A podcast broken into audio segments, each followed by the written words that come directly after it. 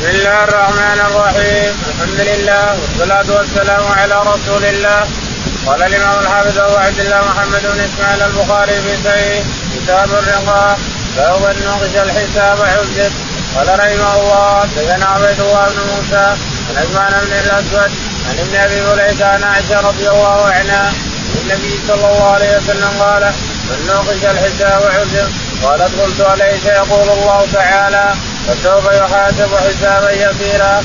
قال ذلك العرب. بسم الله الرحمن الرحيم الحمد لله رب العالمين.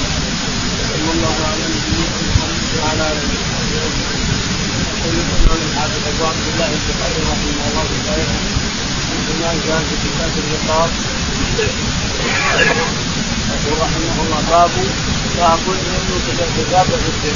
حدثنا عبيد الله بن موسى عبيد الله بن موسى. قال حدثنا عثمان بن الاسود قال حدثنا ابن ابي مليكة قال عن عائشة رضي الله تعالى عنها أن النبي عليه الصلاة والسلام قال من نوقش الحساب عذب يعني من تتبع الله سيئاته وعرضها عليه وناقشه عليها قد يعذب قد يقع ويعذب وأما الذي ما يناقش هذا ما يعذب. المسلمين من لا يناقش حسابه ولا يناقش سيئاته. يعني يتجاوز الله عنه في الدنيا ويغفر له سيئاته في الدنيا ولا يناقش في الآخرة ولا يحاسب في الآخرة. ولكن نوقش الحساب فعذب هذا هذا عام أنه كل إنسان يناقشه ربه ويسأله عن سيئاته ربما يقع ويعذب. أما من يعفو عنه ويتجاوز تعالى وتقدس وما أكثر ما يتجاوز عنه المولى وما أكثر عطفه ورحمته وحنانه فهذا يستعين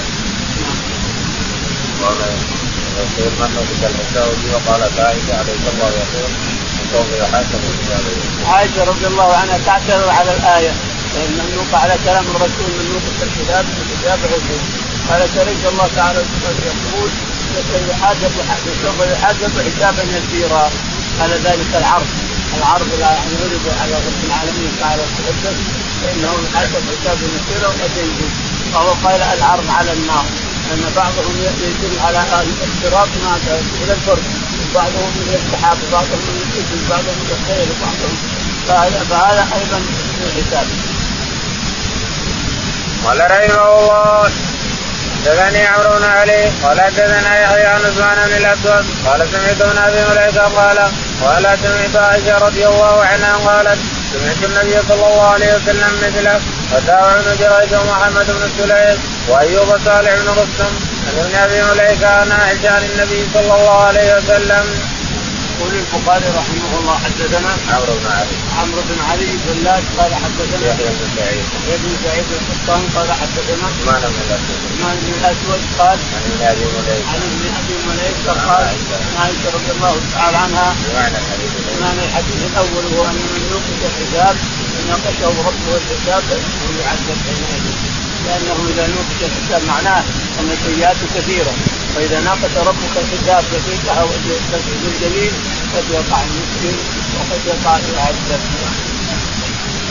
قال رحمه الله حدثني إسحاق بن منصور قال حدثنا راهو بن عبادة قال حدثني حاتم بن أبي صغيرة قال حدثنا أبو بن أبي مليكة قال حدثني القاسم بن محمد قال حدثني عائشة رضي الله عنها ان رسول الله صلى الله عليه وسلم قال ليس أحد يحاسب يوم القيامة إلا هلك وقلت يا رسول الله أليس قد قال الله تعالى فأما من أوتي كتابه بيمينه فسوف يحاسب حسابا يسيرا. قال رسول الله صلى الله عليه وسلم إنما ذلك العرض وليس أحد يناقش الحساب يوم القيامة إلا عذب. يقول البخاري رحمه الله حدثنا إسحاق بن منصور. اسحاق بن منصور قال حدثنا روح بن عبادة قال حدثنا حاتم بن أبي صغيرة. بن أبي صغيرة قال عن عبد الله بن أبي مليكة. عبد الله بن أبي مليكة هو اللي يروي عن عائشة. في أخوه محمد بن أبي مليكة ما يروي عن عائشة. اللي يروي عن عائشة عبد الله بن أبي مليكة عن عائشة رضي الله تعالى عنها. عن القاسم بن محمد عن عائشة رضي الله تعالى عنها قالت. قال رسول الله صلى الله عليه وسلم ليس أحد يحاسب يوم القيامة إلا. تقول قال الرسول عليه الصلاة والسلام ليس أحد يحاسب العذاب إلا هلك، العذاب إلا هلك، ما في أحد يناقشه ربه الكتاب يناقشه ما ما سوى في الدنيا إلا. عليه قال الله تعالى فاما من أوتي كتابه بيمينه فسوف يحاسب. قالت عائشة رضي الله عنها أليس الله أما من اوتي كتابه بيمينه فسوف يحاسب يحاسب حسابا يسيرا قال ذاك العرض يا العرض يعرض على الله أو إنه يعرض على الله. وليس أحد يناقش الكتاب يوم القيامة إلا عز ليس أحد يناقش الكتاب يعني حاسبه ربه. يناقش عن سيئاته فعلت كذا فلان فعلت كذا فعلت كذا إلا يحاسب قال رحمه الله حدثني علي بن عبد الله قال حدثنا معاذ بن قال عن روح بن عبادة عن قال حدثنا سيد عن قتادة قال حدثنا أنس بن مالك رضي الله عنه. قال حدثني أبي عن قتادة عن أنس عن النبي صلى الله عليه وسلم. قال حدثني محمد بن معمر. قال حدثنا روح بن عبادة. قال حدثنا سعيد عن قتادة. قال حدثنا أنس بن مالك رضي الله عنه. إن نبي الله صلى الله عليه وسلم كان يقول يجاء بالكافر يوم القيامة فيقال له أرأيت لو كان لك ملء الأرض ذهبا أكنت تفتدي به فقلت فيقول نعم ويقال له قد كنت سئلت ما هو أيسر من ذلك.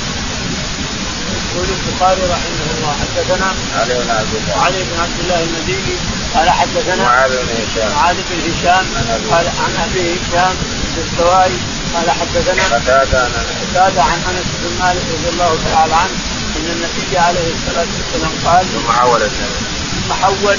وقال حدثنا محمد بن معمر. محمد بن معمر. قال حدثنا روح بن عبادة. روح بن عبادة. قال حدثنا سعيد بن أبي عروبة. سعيد بن أبي عروبة قال عن قتادة. عن قتادة قال حدثنا أنس بن مالك. حدثنا أنس رضي الله تعالى عنه إن النبي عليه الصلاة والسلام قال كان يجاوب الكافر يوم القيامة ويقال له أرأيت لو كان لك من الأرض ذهبا يقول أنس رضي الله عنه النبي عليه الصلاة والسلام قال يجاء بالكافر يوم القيامة ويقال له أرأيت لو كان لك من الأرض ذهبا هل تستفي به من النار؟ قال نعم يا ربي. قال تريد ما هو ايسر من هذا. تريد ما هو ايسر من ان تعبد الله وحده ان تقول لا إله إلا الله. بس ما نحتاج لا ذهب ولا فضة ولا شيء. سالناك طلبنا منك أن تقول لا تشرك بالله شيئا تقول لا إله إلا الله ولا تشرك بالله شيئا. ايسر من الذهب وايسر من كل شيء لكنك عصيت وليس هناك الا النار. حول ولا نعم.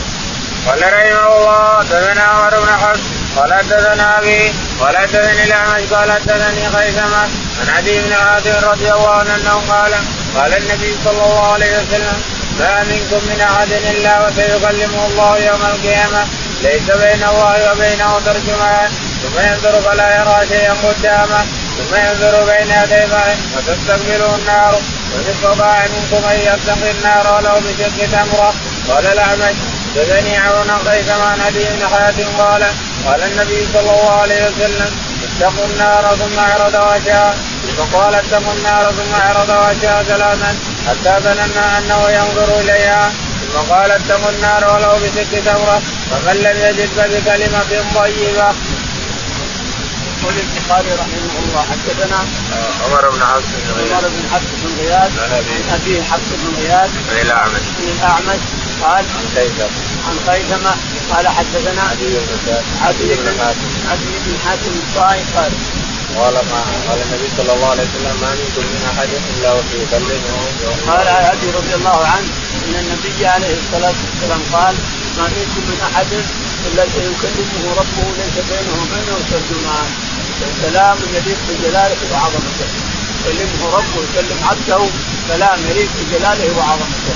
يا عبدي الست فعلت كذا وفعلت كذا يوم كذا وكذا وفعلت كذا يوم كذا وكذا. يناقشه ربه تعالى وتقدس بكلام يكلمه يليق بجلاله وعظمته يناقشه ليس بينه وبينه واسطة. ما بين الرب تعالى وتقدس وعبده واسطة. ما بينهم ترجمان ما يحتاج إلى ترجمان ربك تعالى يتكلم بكلام فصيح يفهمه عبده فيكلمه ويكلمه ويجاوب بالعكس هل يقع أو ما يقع؟ هل يعذب أو ما يعذب؟ إذا كلمه ربه ليس بينه وبينه ترجمان يقول لا يعذب ان شاء الله نعم. ثم ينظر فلا يرى شيئا قدامه. ثم ينظر العبد فلا يرى شيئا قدامه ثم يرى العبد فلا يرى شيئا الا النار فاتقوا النار ولو بشق تمرة اتقوا النار ولو بشق تمرة. وقال عن أبي قال النبي صلى الله عليه وسلم اتقوا النار ثم عرض قال عليه الصلاة والسلام اتقوا النار ثم عرضت وجهه قال هكذا ثم قال اتقوا النار ثم ساح بوجهه قال هكذا ثلاث مرات. يعني كان النار بين يديه عليه الصلاة والسلام. يصفها وفق من يراها بين يديه. ثم قال اتقوا النار لو بشق تمره فمن لم يجد ثم قال اتقوا النار ولا يعني جعلوا بينكم وبين النار وقاية. اجعل للعبد بينك وبين النار وقاية. ولو بشق تمره إذا ما تجد صدقات كبيرة ولو بشق ولو نصف تمره ما وجدت التمره كلمة طيبة تهديها لأخيك المسلم. كلمة طيبة تهديها لأخيك المسلم. أنك تصير وقاية بينك وبين النار باب يدخل الجنة سبعون ألفا بغير حساب. قال رحمه الله حدثنا عمران بن ميسر قال حدثنا ابن فضيل قال حدثنا حسين. قال حدثني يزيد بن زيد قال حدثنا هشام عن حسين قال كنت عند سعيد بن جبير فقال حدثني ابن عباس رضي الله عنه قال قال النبي صلى الله عليه وسلم عرضت علي الامم فأخذ النبي صلى الله عليه وسلم يمر معه الأمة والنبي يمر معه النفر والنبي يمر معه العشرة والنبي يمر معه الخمسة والنبي يمر وحده فنظرت فإذا سواد كثير. يا جبريل هؤلاء أمتي قال لا ولكن انظر للأفق فنظرت فإذا سواد كثير. قال هؤلاء أمتك وهؤلاء سبعون الفا قدامهم لا حساب عليهم ولا عذاب. قلت ولم؟ قال كانوا لا يكتوون ولا يسترقون ولا يتطيرون وعلى ربهم يتوكلون. فقام إليه عكاشة بن محسن وقال الله يجعلني منهم؟ قال اللهم اجعله منهم. فقام اليه رجل آخر قال الله يجعلني منهم. قال سبقك بها عكاشه يقول البخاري رحمه الله حدثنا باب يدخل الجنة سبعون باب يدخل الجنة سبعون ألفا بغير حساب ولا عذاب. عملهم إيش عمل هؤلاء؟ سبعون ألف. يدخل الجنة بغير حساب ولا عذاب. انظروا ادخلوا الباب مفتوح سبعون ألف. يدخل الجنة بغير حساب عذاب هم الذين لا يسترقون ولا يكتوون ولا يتطيرون والجامع وعلى ربهم يتوكلون وعلى الله تعالوا قلنا لا ما تبغالي ولا تبغالي. تعالوا ولا ولا أكل ولا أكل. ولا قد مريض ولو كان مريض ما أكل. توكل على الله توكلت على الله سبحانه وتعالى. المتوكلون سبعون الألف الذين يدخلون الجنة بغير حساب ولا عذاب يقول البخاري رحمه الله حدثنا عمران بن ميسرة. عمران بن ميسرة. قال حدثنا ابن قبيل. ابن قبيل. قال حدثنا حسين بن عبد الله. حسين بن عبد الرحمن. ثم حول الجنة. ثم حول فقال حدثنا حسين بن زيد. يزيد بن زيد. قال حدثنا حسين حسين. قال حسين بن عبد الله. حسين بن عبد الرحمن. قال كنت عند سعيد بن جبير فقال يقول كنا جلوسا عند سعيد بن جبير رضي الله تعالى عنه فقال أيكم رأى الكوكب البارحة؟ فقال رجل أنا رأيته ولكني لم أكن في صلاة بعد الصحابة رضي الله عنهم وبعد التابعين عن الرياء عن الشرك وعن كان يصلي ينفذ الرياء عن نفسه ما ما قلت اصلي قلت ليش؟ قمت لدغتني عذرة هذا يقول سعيد بن جبير قمت لدغتني عذرة فشهدت قال ما فعلت؟ قال استرقيت قال وما قال ما دليلك؟ انظر طلب الإنسان دليل ما كان دليلك هذا؟ بعد حاجة دليلك ما هو؟ قال دليلي عن ابن عباس أنه قال لا ربة إلا من عين أو لاحظ قال ابن سعيد بن جبير رضي الله عنه العالم الرباني رضي الله عنه وأرضاه. قال قد أحسن قد أحسن ما سائل سمعت حديث سألت أحسنت كل الاحسان قد أحسن من سائل ما سمع. ولكن حدثنا ابن عباس رضي الله عنه أن النبي عليه الصلاة والسلام قال عرضت علي الامم عليه الصلاة والسلام. عرضت علي الامم فرأيت النبي ومعه عشرة والنبي ومعه ثلاثة. وما النبي ومعه اثنين والنبي وليس معه أحد يبعث إلى أمة من الأم تملأ الأرض يبعث ولا يدعون ولا والنبي وليس معه أحد. هنا توازن عظيم فقيل لي فقلت لي من هذا؟ قال هذا موسى وقومه توازن مسلم كاد الكفر كله هذا موسى وقومه أنا هذا أن موسى أكثر أتباع الأنبياء بعد الرسول عليه الصلاة والسلام. أتباع الأنبياء أمة. يعني بني إسرائيل اتبعت موسى كثير لكن محمد أكثر قال ثم لكن انظر إلى الافق الأرض إلى الافق الايسر وإلى أمم تدافق تدفق تدافق بعضها على بعض. وقدامهم قدام هذه الأمم التي تدفق قدام سبعين الف يدخلون الجنة بغير حساب ولا عذاب. قلت بما يا جبريل؟ بما استحقوا هذه المنزلة؟ قال لأنهم لا يفتوون ولا يسترقون وعلى ربهم يتوكلون. لا يسترقون ولا يفتوون ولا يتغيرون وعلى ربهم يتوكلون. حق هذه المنزلة. فقام عكازة بن الأسد رضي الله عنه وأرضاه. قال يا رسول الله ادعو الله أن يجعلني منهم. هذه السبعين الالف قال اللهم اجعله منهم. قام رجل آخر يا رسول الله ادعو الله أن يجعلني منهم. قال تفقد في عكازه إذا المساله مسابقة ما ما كل أحد يقول بقول الله خلاص. كلمة سبق عكازه بها وانتهت. خلاص. المساله مسابقة ما يسمع كل قام يقول الله احسن المساله مسابقه وبسبق اخذها اخذها عكازه وانتهى خلاص انتهى. قال رحمه الله دنا معاذ بن أسير. قال أخبرنا عبد الله قال أخبرنا يونس بن الزهري. قال حدثني سعيد بن المسيب أن أبا هريرة حدثه قال سمعت رسول الله صلى الله عليه وسلم يقول يدخل من أمتي زمرة سبعون الفا في وجوههم بطاعة القمر ليلة البدر. قال أبو هريرة رضي الله عنه فقام عكاجة بن محسن الأسدي يرفع نمرة عليه فقال يا رسول الله والله يجعلني منهم قال اللهم اجعل منهم ثم قام رجل آخر من الانصار فقال يا رسول الله والله يجعلني منهم فقال سبقك عكاجة يقول البخاري رحمه الله. حدثنا معاذ بن معاذ قال حدثنا عبد الله بن الله قال حدثنا يونس قال عن الزهري. عن الزهري قال عن سعيد بن المسيب. سعيد بن المسيب. عن أبي هريرة. عن أبي هريرة رضي الله تعالى عنه. قال سمعت رسول الله صلى الله عليه وسلم يقول يكون من أمتي زمرة سبعون الفا. يقول سمعت الرسول عليه الصلاة والسلام يقول يدخل من امتي سبعون الفا لا لا لا تضيء وجوههم ضياء القمر. تضيء وجوههم ضياء القمر. لا يدخلون الا في غير حساب ولا عذاب؟ تضيء وجوههم ضياء القمر قام عكاشة بن محصن فقال ادعو الله يجعلني منهم قال أنت منهم. ثم قام رجل آخر قال سبقت يا عكاشة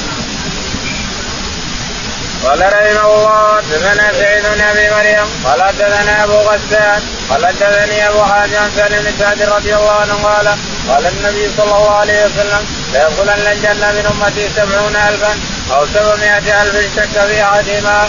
متماسكين أخذ بعضهم ببعض حتى يدخل أولهم وآخرهم الجنة ووجوههم على ضوء القمر ليلة البدر. يقول البخاري رحمه الله حدثنا سعيد بن أبي مريم. سعيد بن أبي مريم قال حدثنا أبو غسان. أبو غسان الإسماعيلي قال حدثنا أبو حازم. أبو حازم قال عن سالم بن سعد عن سالم بن سعد الساعدي عن قال النبي صلى الله عليه وسلم قال يدخل إلى الجنة من أمتي سبعون. الفا يقول ان النبي عليه الصلاة والسلام قال يدخل من أمتي سبعون الفا إلى إلى إلى حساب ولا عذاب. وجوههم تضيء كإضاءة القمر ليلة البدر. يعني ليلة النصف نصف الشهر ليلة النصف تدير ما في نقص لا من هنا ولا من هنا. يستدير إضاءة إضاءة يملأ الأرض من النور. وجوههم أضوء من القمر. قال هنا سبعون الفا أو سبعمائة الفا. أو قال شك الراوي هل هم سبعون ألفا؟ أو قال سبعمائة ألف الله أعلم. شك الراوي السبعين أو سبعمائة. نعم لكن ورد بكثرة أنهم سبعون ألفا. متماسكين اخرهم بعضهم ببعض حتى يصل اولهم يقول متماسكين لا ينفك بعضهم عن بعض حتى يدخل أولهم وآخرهم الجنة. متماسكين متكاتفين يدخلون حتى يدخلوا الجنة. ما, ما يتفرقون حتى يدخلوا الجنه سوا سوا يدخلون الف وقيل سبعين قال رحمه الله حدثنا علي بن عبد الله قال حدثنا يعقوب بن إبراهيم قال حدثني أبي عن صالح قال حدثنا نافع عن ابن عمر رضي الله عنهما عن النبي صلى الله عليه وسلم قال إذا دخل أهل الجنة الجنة وأهل النار النار ثم يقوم مؤذن بينهم يا أهل النار لا موت ويا أهل الجنة لا موت خلود. يقول البخاري رحمه الله حدثنا علي بن عبد الله. علي بن عبد الله قال حدثنا يعقوب بن إبراهيم. يعقوب بن إبراهيم عن أبيه. عن أبيه إبراهيم قال عن صالح. عن صالح قال حدثنا نافع بن عمر. نافع عن ابن عمر أن النبي عليه الصلاة والسلام قال إذا دخل أهل الجنة إذا دخل أهل الجنة الجنة وتكاملوا ودخل أهل النار النار وتكاملوا نودي أهل الجنة خلود بلا موت ونودي أهل النار خلود بلا موت. وياتي الحديث الذي يرون الموت كأنه كذب. فتعرفون هذا؟ قالوا نعرفه. هذا الموت. ويذبح بين الجنة والنار. وأنتم يا الجنة خلود. وأنتم يا النار خلود. قال رحمه الله دفنا أبو اليمان. قال أخبرنا شعيب قال دفنا أبو الزناد للأعرج. أبي هريرة رضي الله عنه قال قال النبي صلى الله عليه وسلم قال لأهل الجنة خلود لا موت ولأهل النار يا أهل النار خلود لا موت. يقول البخاري رحمه الله حدثنا ابو اليمان ابو اليمان قال حدثنا شعيب. قال حدثنا أبو الزناد عن الأعرج. عن الأعرج عن أبي هريرة رضي الله تعالى عنه أن النبي عليه الصلاة والسلام قال نعم. يقال لأهل الجنة خلود لا موت. يقال لأهل الجنة ان ذبح الموت يقال لأهل الجنة خلود بلا موت ولاهل النار خلود بلا موت. ومن المؤسف أن كثير من طلبة العلم بل هو مدرس وعالم كبير يقول اللي يذبح ملك الموت. له عزيز ملك الموت. ينبغي ملك الموت. يذبح يذبح ملك الموت. اشراف يذبح ويذبح يذبح الموت نفسه. الصفة هذه العرض هذا اللي خلقه الله يميت بني آدم هو اللي يذبح وأما الملك ما ما يموت ما يذبح ولا يموت ما يموت الا اذا يذبح الطول وما تلقوا جميعا يموت معهم ثم يحيا معهم. أما انه الملك نفسه يذبح طلع علينا ناس من هذه الاشكال الذي يؤولون الحديث ملك الموت ما له ذنب حتى يذبح ملك الموت مقدس مع الملائكه لكن يذبح العرض هذا اللي خلقه الله يميت الناس الموت بنفسه هو اللي يصور صوره كلب ثم يذبح بين الجنه والنار يا أهل الجنه خلود تعرفون هذا نعم هذا خلود هذا ثم يذبح أنتم يا أهل الجنه خلود بلا موت وأنتم يا أهل النار خلود بلا فلا يحزن حزن مثل حزن أهل النار هذا ولا يفرح فرحة. مثل فرحة أهل الجنة هذا باب صفة الجنة والنار. وقال أبو سعيد قال النبي صلى الله عليه وسلم أول طعام يأكل أهل الجنة زيادة كبد عود عدل خلد عدلت بأرض أقمت ومنه المعدن في معدن صدق. في منبت صدق قال رحمه الله دثنا عثمان بن الهيثم قال دثنا أبو نبي رجاء عن عمران رضي الله عنه عن النبي صلى الله عليه وسلم قال اطلعت في الجنة فرأيت أكثر اهلها الفقراء واطلعت في النار فرأيت أكثر اهلها النساء. يقول البخاري رحمه الله حدثنا باب صفة الجنة باب صفة الجنة والنار يقول رحمه الله حدثنا قال أبو سعيد قال أبو سعيد الخدري قال النبي صلى الله عليه وسلم أول طعام يكون أهل الجنة. يقول أبو سعيد الخدري علق الحديث البخاري. يقول أبو سعيد الخدري أول طعام يأكله أهل الجنة زيادة كبد الحوت هذه تربت في السماوات. يقول أول ما يأكل الجنة أهل الجنة زيادة كبد الحوت يعني إن الحوت كبدها الحوت مخلوقة فلها زيادة كبد هذه الزيادة اللي يأكلها أهل الجنة. ألذ ألذ حاجة في الكبد هي الزيادة هذه. الحين أخذت الكبد حق السمي الإنسان تجد زيادة من الكبد قليلة هي ألذ من الكبد كلها. الزاد زيادة كبد الحوت هي التي يأكلها يطعمها أهل الجنة. وعدل يعني إنه خبز معدوم. هو خبز معدوم معدوم من الجنة عدل لأنه خبز خبز خبز قليل معدول وليس من الخبز اللي يعرفه الناس عدل خبز عدلت في أرض اقمت عدل خبز عدلت في أرض يعني اقمت فيها. عدل اقامنا الخبز إذا جلس عدلنا قال حدثنا عثمان بن الهيثم حدثنا عثمان بن الهيثم قال حدثنا عوف عوف. قال حدثنا أبو رجاء. أبو رجاء العطاردي عن عمران بن حسين رضي الله تعالى عنه قال النبي صلى الله عليه وسلم قال اطلعت في الجنة فرأيت الفقراء. يقول النبي عليه الصلاة والسلام اطلعت في الجنة فرايت أكثر اهلها الفقراء. لا شك أن الفقراء هم ما ما لهم يتبعون الطاعات ينظرون إلى وكم من الأغنياء من هو من أهل الجنة؟ ومن الاغنياء يعني ما له ما ما يقطع ظله الشيطان ما ظله تجد ماله يرزقه هنا وهنا ومؤمن صالح مخلص. تجده من أهل الجنة ولو كان من الأغنياء. إذا كان المال حلال وصار ينفقه في سبيل الله لا يشك أنه يصير من أهل الجنة. يقول صلاه في الجنة. رأيت أكثر اهلها الفقراء يعني الغالب إن أكثر الفقراء وإلا فقد يدخلها كثير من الأغنياء. ولا الغالب الفقراء لا شك في هذا. لأنه ما عنده مال يلهيه ويجتهد في طاعة الله. كل صباح وكل مساء وكل ليل وكل نهار في طاعة الله. فهم الفقراء هم الذين يدخلون الجنة ولكن يدخل معهم. من الأغنياء كثير الأغنياء اللي يعطيها الله حلال مال حلال وينفقوه في سبيل الله لا شك انه يدخل الجنة. لكن وصف الرسول الفقراء لأنهم الكثرة. يدخل أهل الجنة الفقراء. ورأيت طلعت في النار رأيت هذه الأغنياء. لأن الأغنياء يشغلهم أموالهم عن طاعة الله. يشغلهم اموالهم يشغلهم دنياهم والبيع والشراء والحب في الأسواق عن طاعة الله تعالى فتروح الطاعات وهو لم يدري. وتروح الأيام وهو ما يدري. وتروح السنين وما يدري. حتى يأتيه الموت وما له بين يديه. وطلعت في النار فرأيت السلام. طلعت في النار فرأيت أكثر النساء ليش؟ لأنها تكفر العشير وتلعن. تلعن وتكفر العشير. تعاشر الرجل بعد ما ينعم عليها يكرمها ثم بعد كلمة واحدة تكفر وتلعن ما رأيت منك خير الفضل قال رحمه الله حدثنا مسدد قال حدثنا إسماعيل قال أخبرنا سليمان التيمي عن أبي عثمان عن عن النبي صلى الله عليه وسلم قال كنت على باب الجنة فكان عامة من دخل المساكين وأصحاب الجنه محبوسون غير أن أصحاب النار قد أمر بهم إلى النار وقمت على باب النار فإذا عامة من دخل النساء. يقول البخاري رحمه الله حدثنا مسدد.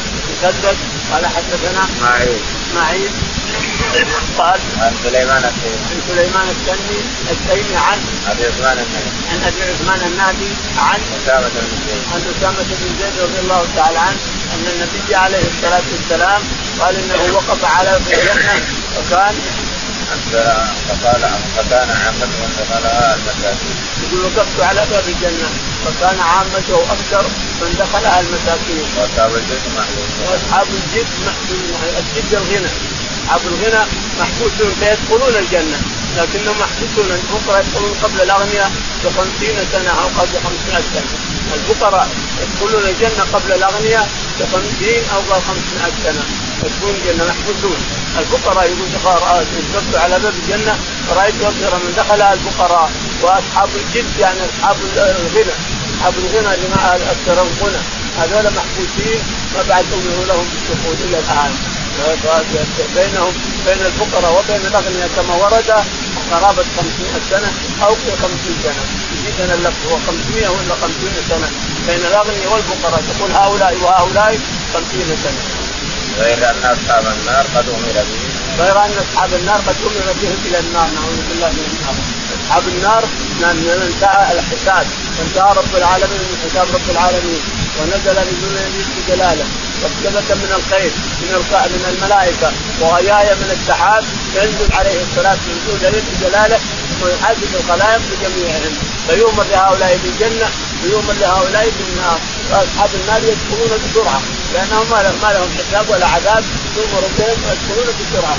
كل نقل يتبع كل أمة تتبع كل أمة ما كانت تعبد فتجد اللي يعبد مثلا الجن يدخلون النار مع الجن واللي يعبد الشيطان يدخل مع الشيطان. واللي يعبد البدوي مع البدوي. واللي يعبد فلان فلان مع فلان فلان. واللي يعبد كذا واللي يعبد كذا. تتبع كل أمة ما كانت تعبد اللي تعبدون تتبعهم. ويلقي في جهنم نعوذ بالله قالوا يا رسول الله بعض الناس يعبدون الملائكة. قالوا صوروا لهم. يصور لهم صورة مع الملك الذي كانوا يعبدونهم. الملائكة ما حد يتعرضهم يصور هذا الملك الذي كانوا يعبدونه في الدنيا فيتبعونه حتى يلقيه في جهنم. وقلت على باب النار فإذا عامتهم دخلها. وقلت على باب النار فإذا عامتهم يدخلها النساء، ليش؟ لأنهن يذكرن العشير ويلعنن يشتمن ويلعنن ويذكرن العشير. قال رحمه الله حدثنا معاذ بن أسد قال أخبرنا عبد الله قال أخبرنا عمر بن محمد بن زيد عن ابي حدثه عن ابن عمر رضي الله عنهما قال قال رسول الله صلى الله عليه وسلم إذا سار أهل الجنة إلى الجنة وأهل النار إلى النار هي بالموت حتى يجعل بين الجنة والنار. ثم يذبح ثم ينادي مناد يا أهل الجنة لا موت يا أهل النار لا موت. فيزداد أهل الجنة فرحا إلى فرحهم ويزداد أهل النار حزنا إلى حزنهم. يقول البخاري رحمه الله حدثنا معاذ بن أسد. معاذ بن أسد قال حدثنا عبد الله عبد الله قال حدثنا عمر بن محمد. عمر بن محمد قال عن أبي محمد قال عن ابن عمر عن رضي الله عنهما قال قال رسول الله صلى الله عليه وسلم إذا صار أهل الجنة إلى الجنة واهل النار إلى النار هي بالموت حتى يجعل ويقول ابن عمر رضي الله تعالى عنه إن النبي عليه الصلاة والسلام قال إذا دخل أهل الجنة الجنة تكاملوا ودخل أهل النار النار تكاملوا ياتي الموت على صورة كبش فيقال هذا الموت تعرفون نعم يعرفون فيذبح بين الجنة والنار. يقول أنتم أهل الجنة خلود بلا موت فيزدادون فرحا على فرحهم. وأنتم أهل النار خلود بلا موت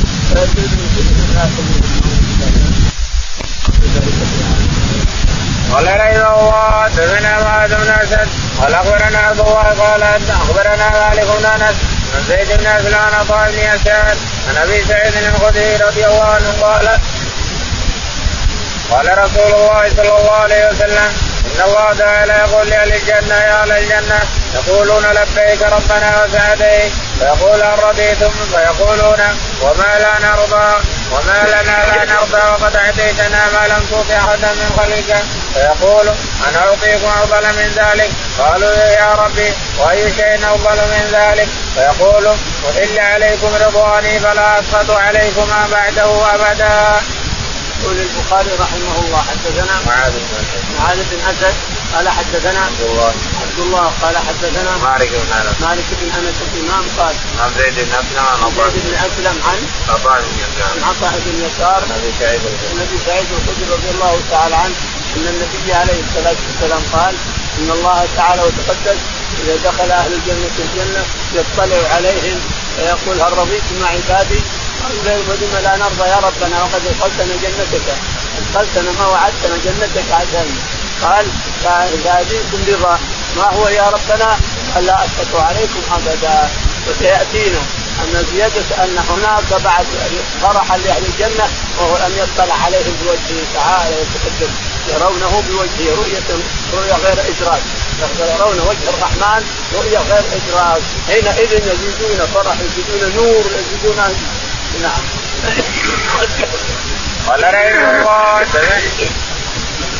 حدثنا عبد الله بن محمد قال حدثنا معاوية بن عمرو قال حدثنا أبو إسحاق عن حميد. قال سمعت أنس رضي الله عنه يقول أصيب حارثه يوم بدر وهو غلام. فجاءت أمه إلى النبي صلى الله عليه وسلم فقالت يا رسول الله قد عرفت منزلة حارثه مني فان يكن في الجنه أصبر وأحتسب وإن تكن الأخرى ترى ما أصنع فقال ويحك أو البيت أو جنة واحدة أو جنة واحدة فإنما أو جنة واحدة هي إنها جنان كثيرة وإنه لفي جنة الفردوس.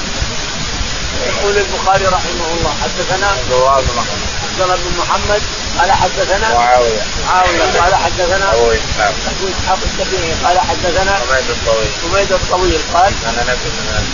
عن أنس رضي الله تعالى عنه أن النبي عليه الصلاة والسلام أتته أم حارثة فقالت يا رسول الله حارثة تعرف منزلته مني أنا أمه.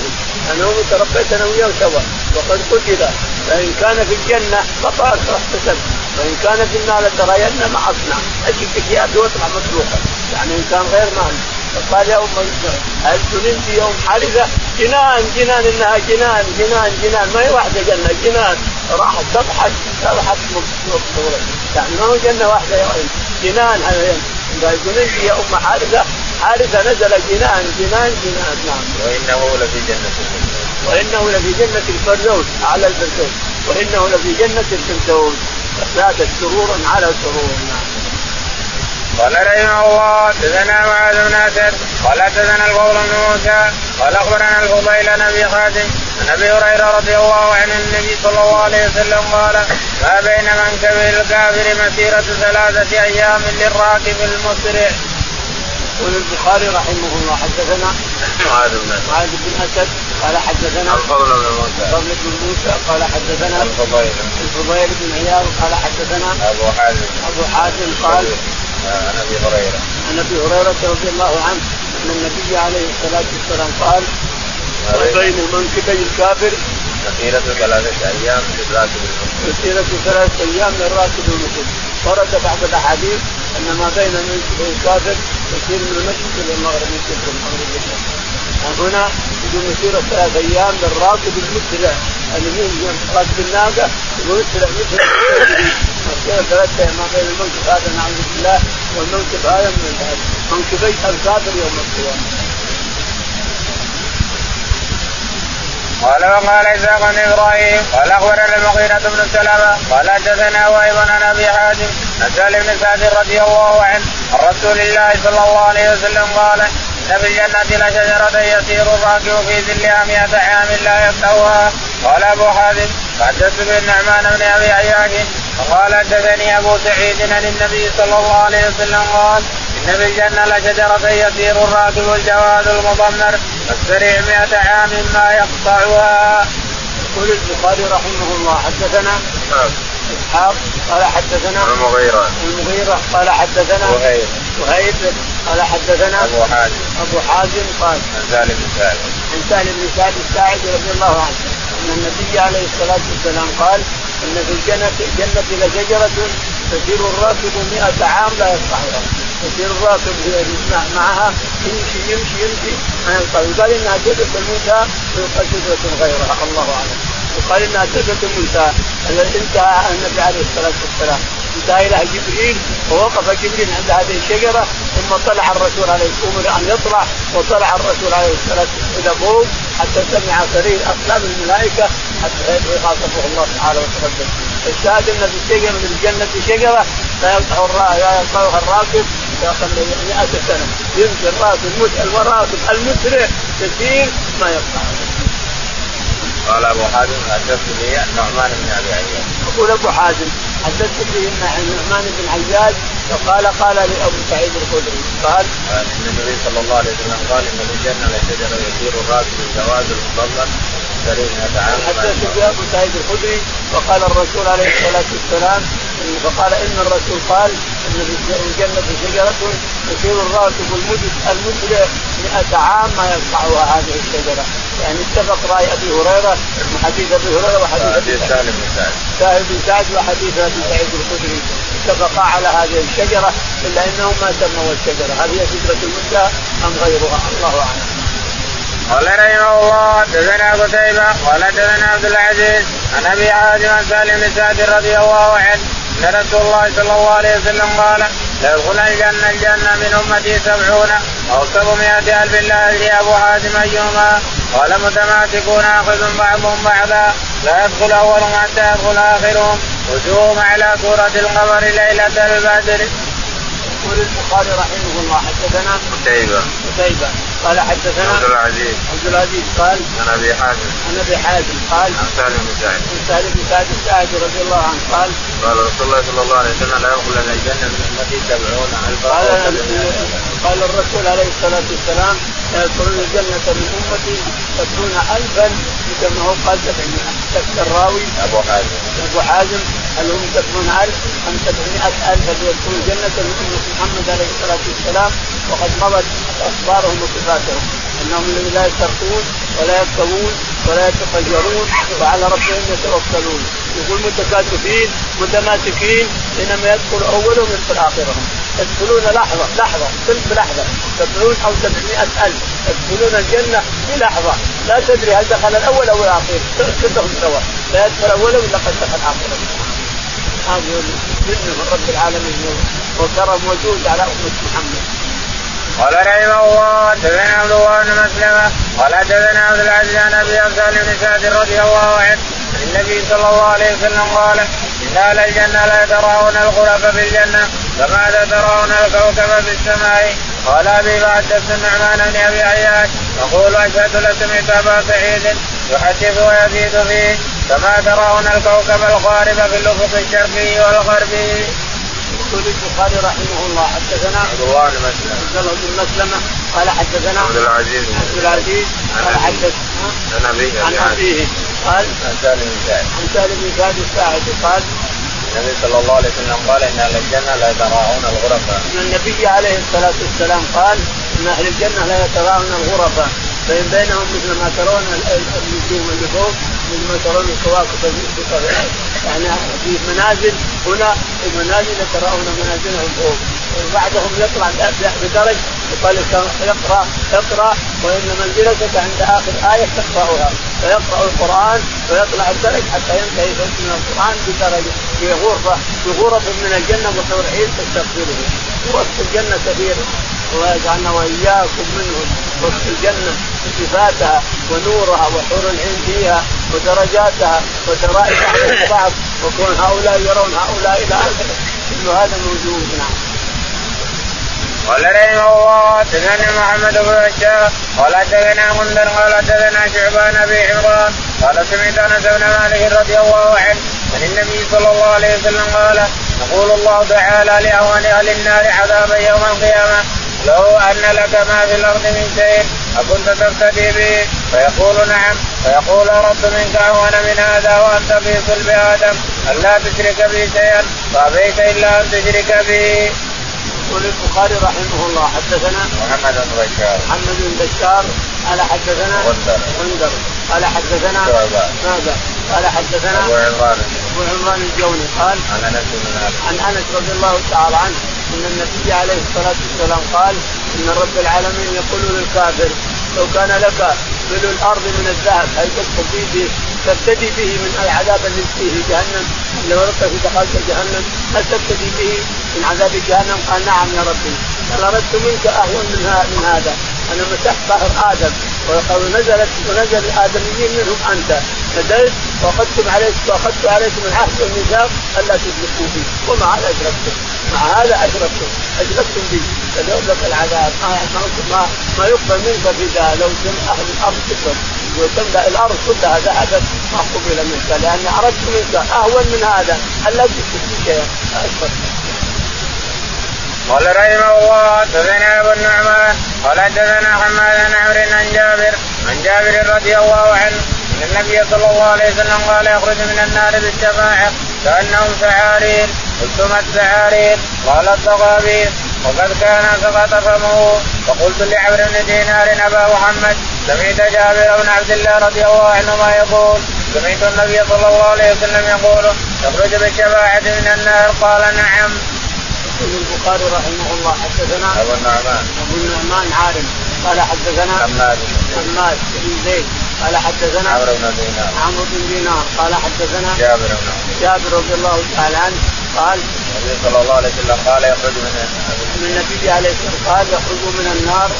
الشفاعة كأنهم سعارير الشفاعة كأنهم سعارير سعارير ثم السعارير قال الضغابير الضغابير يعني الضغابير الصغيرة هذه تدحرج تدحرج الشاهد وكان قد سقط فمه سقط فمه يعني سقطت اسنانه ما يقدر يلفظ يلفظ بالشيء على ما يرى جابر رضي الله تعالى عنه. آخر عمره سقطت اسنانه صار ما يقدر يلفظ بالالفاظ العربية ما يقدر يلفظها صحيحة. وقلت لعمرو بن دينار ومحمد سمعت جابر بن عبد الله يقول قال نعم. يقول فقلت لعمرو بن عبد الله بن عمرو. سمعت جابر يقول هذا الكلام؟ قال نعم سمعته. لأن جابر رضي الله حدث فيه مع ناس كثيرة. حدث ناس كثير عن النبي عليه الصلاة والسلام أنه يخرج بشفاعه الرسول عليه الصلاة والسلام أمم كثيرة رسوله بالشفاعات منها أن الشفاعة بعمه أبي طالب هذا لا لا يشتركه أحد. ومنها الشفاعة الكبرى اللي يشفع في بني آدم والجند والإنس والطير وغيرها وهذا لا يشركه أحد. شفاعتين.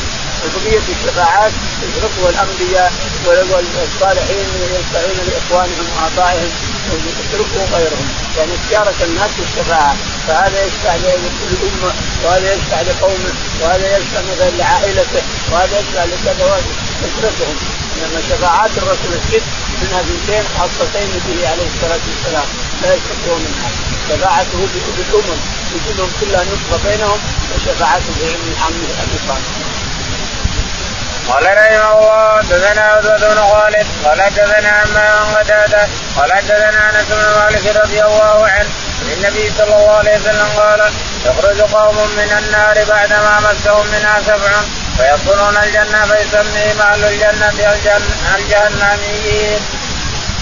يقول البخاري رحمه الله حدثنا عتبة بن خالد. عتبة قال قال حدثنا عتبة بن خالد.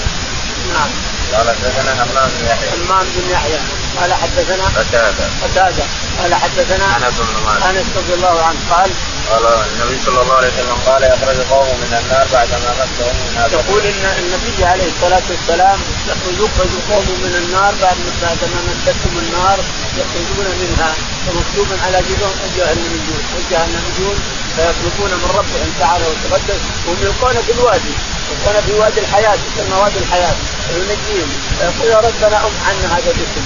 بعدما يخرجون من الوادي وينجيهم يبقى هذا بجباههم فيقول يا ربنا امح عنا هذا الاسم. فيمحوهم يطلبون من الله تعالى وتقدس فيمحو عنهم هذا الاسم. يسمون جهنم الجهنم كثير اللي يخرجون بشفاعة الرسول وشفاعة الصالحين وشفاعة الأقنام وشفاعة الأقنام قال رحمه الله حدثنا موسى قال حدثنا وهيب قال حدثنا عمرو بن يحيى عن أبي عن أبي سعيد الخدري رضي الله عنه أن النبي صلى الله عليه وسلم قال إذا دخل أهل الجنة الجنة واهل النار النار. يقول الله من كان في قلبه مثقال حبة من خردل من إيمان فأخرجوه فيخرجون قد امتجعوا وعادوا حمما وقعادوا حمما فيلقون في نار الحياة فينبتون كما تنبت الحبة في حميل السيل أو قال حمية السيل. وقال النبي صلى الله عليه وسلم ألم تروا أنها تنبت صفراء ملتوية؟ يقول البخاري رحمه الله حدثنا موسى. موسى قال حدثنا وهيب. وهيب قال حدثنا عمرو بن يحيى. عمرو بن يحيى عن ابي عن ابيه يحيى قال عن أبي سعيد الخدري. عن أبي سعيد الخدري رضي الله عنه أن النبي عليه الصلاة والسلام قال إذا دخل أهل الجنة الجنة إذا دخل أهل الجنة الجنة ودخل أهل النار النار رفع بأناس يخرجون من النار. شفاعة الرسول أو شفاعة الصالحين أو شفاعة غيرهم. فيخرجون من النار كأنهم حمم سحب. كأنهم فحم حرقة جهنم من الله. يخرجون كأنهم حمم يعني كأنهم فحم فتسكت تسكيدة لله فيلقون في وادي الحياة. نهر يسمى نهر الحياة. فينبتون كما تنبت الحبة التي السيل الحبة إذا جاء الوادي نبتت نبتت حتى تطلع وتزهر فينبتون كما تنبت الحبة من السيل يبقون عليهم الجهنميون. يطلبون ربهم.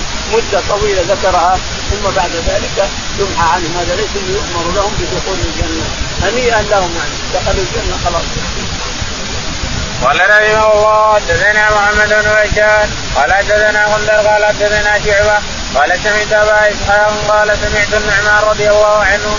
قال سمعت النبي صلى الله عليه وسلم يقول إنه وأنا للنار عذابا يوم القيامة. لرجل توضع في اقمص قدمه جورة يغلي منها دماغه. يقول البخاري رحمه الله حدثنا محمد بن بشار. محمد بن بشار قال حدثنا غندر. غندر قال حدثنا شعبة. شعبة قال عن أبي إسحاق. عن أبي إسحاق السبيعي قال عن النعمان بن عن النعمان بن بشير رضي الله عنه أن النبي عليه الصلاة والسلام قال إن أهون أهل الجنة عذابا يوم القيامة من يوضع جمرتين تحت قدميه يغلي منهما دماغه في نظره أنه أعظم أهل النار عذابا وإنه لاهون النار أبو طالب كذلك. أبو طالب يوضع جمرتين تحت قدميه يغلي منهما دماغه لأنه ما شهد أن لا إله إلا الله. طلب منه الرسول عليه الصلاة والسلام أن يشهد أن لا إله إلا الله. حال بينه وبين الحق وبين التوحيد قرناء السوء نعوذ بالله قرناء السوء انظر اخواني قرناء السوء كيف؟ عبد بن أبي أمية وأبو جهل بن هشام قالوا ترغب عن مله عبد المطلب يقول الرسول يا يا عم قل لا إله إلا الله يحاج لك به عند الله اذا قلت لا إله خلاص ما تدخل النار قل لا إله إلا الله. قال يقولون له أترغب عن ملة عبد المطلب؟ أبوك وجدك عبد المطلب ترغب من عن ذكر بما عمله الاباء والأجداد. تقليد الاباء والأجداد يضر المسلم. المسلم يضر تقليد الاباء والأجداد. تلقى بقى اجداد كيف انظر إلى الشريعة انظر إلى السنة ماذا قالت وما فعلت. اتبع السنة واتبع الشريعة. واترك الاباء والأجداد. وادرس أيضا قرناء السوء. قرناء السوء الذي يصدونك عن سبيل الله. وعن التوحيد وعن الطريقة الصحيحة. ادرس قرناء السوء هذا له طريقة وهذا له طريقة يتبعها وهذا له طريقة يدعو الناس إليها وهذا له طريقة الناس وأعظم ضلال على المسلمين اليوم هذه يسمونه التيجاني واللي يسمونه الفقري واللي يسمونه البدر واللي يسمونه كذا. هؤلاء كلهم يضلون العالم. الانسان لا يكلف هؤلاء وهؤلاء لأنهم يتبعون هذا ويتبعون هذا ويتبعون هذا. يتبع الشريعة اللي من الشمس صافية. مثل الشمس ما يبعد عنها إلا هذا. ما يزيغ عن الشريعة إلا هذا. بيضة بيضة نقية. مثل الشمس لا يزيغ عنها إلا هذا. المسلم يتمسك بصفوة الشريعة صفوتها حتى إنك تتمسك بصفوة الخلق أيضا نبيك عليه الصلاة والسلام.